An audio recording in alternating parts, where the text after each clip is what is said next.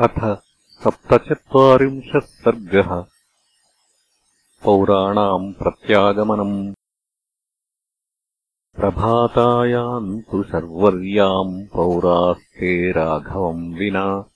शोकोपहतनिश्चेष्टा बभूरुहतचेतसः।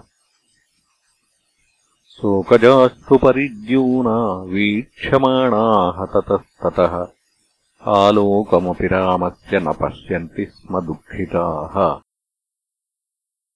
ते विषादात्तवदनारहितास्तेन धीमता कृपणाः करुणावाचो वदन्ति स्म मनस्विनः। धिगस्तु खलु निद्रान्ताम् ययापहृतचेतसः। नाद्य पश्यामहे रामम् पृथूरस्कम् महाभुजम् कथम् नाम महाबाहुः? स तथा वितथक्रियः भक्तम् परित्यज्य प्रवासम् राघवो गतः। यो नः सदा पालयति पिता पुत्रानि वौरसान्। कथम् रघूणाम् स श्रेष्ठः त्यक्त्वा नो विपिनम् गतः इहैव निधनम् यामो महाप्रस्थानमेव वा। रामेण रहितानाम् हि किमर्थम् जीवितम् हि नः। सन्ति शुष्काणि काष्ठानि प्रभूतानि महान्ति च। तैः प्रज्वाल्यचिताम् सर्वे प्रविशामोऽथ पावकम्।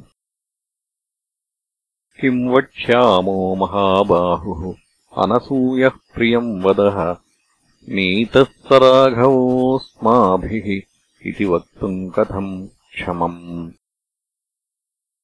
सा नूनम् नगरी दीना दृष्ट्वास्मान् राघवम् विना भविष्यति निरानन्दा स स्त्री बालवयोधिका। निर्यातास्तेन वीरेण सह नित्यम् जितात्मना विहीनास्तेन च पुनः कथम् पश्यामताम् पुरीम्।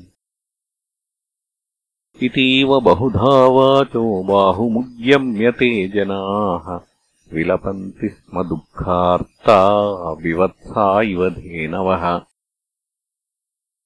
ततो मार्गानुसारेण गत्वा किञ्चित् क्षणम् पुनः मार्गनाशाद्विषादेन महता समभिप्लुताः।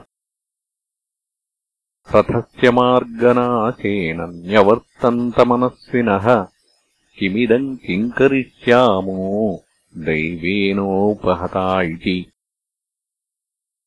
ततो यथागतेनैव मार्गेण क्लान्तचेतसः अयोध्यामगमन् सर्वे पुरीम् व्यथितसज्जनाम्।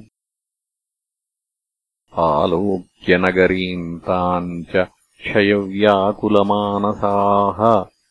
अवर्तयन्त ते श्रूणि नयनैः शोकपीडितैः।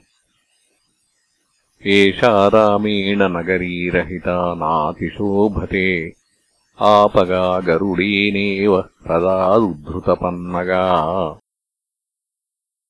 चन्द्रहीनमिवाकाशम् तोयहीनमिवार्णवम् अपश्यन्निहतानन्दम् नगरम् ते विचेतसः।